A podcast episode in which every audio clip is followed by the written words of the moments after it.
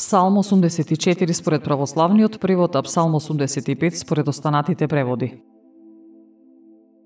Господи, Ти омиле земјата Твоја, го врати од пленство Јаков.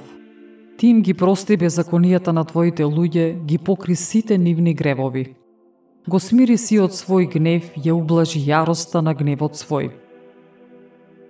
Поврати не Боже, спасение наше, и одвратија Твојата јарост од нас, Зар вечно ќе се гневиш на нас или ќе го протегнеш гневот свој од род во род? Нема ли Боже да се повратиш и пак да не оживееш и луѓето твои да се зарадуваат во тебе? Покажи ни ја Господи Твојата милост и подари ни спасение. Ќе чујам што ќе ми рече Господ Бог, зашто Тој ќе зборува за мир на својот народ и на своите свети, и на оние што со срцето своему се обраќаат нему.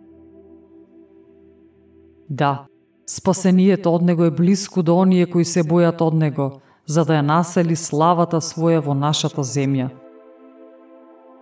Милост и вистината ќе се сретнат, праведноста и мирот ќе се целиваат. Верноста ќе изникне од земјата, а праведноста ќе се појави од небото. Зашто Господ ќе даде добро и нашата земја ќе го даде својот плод.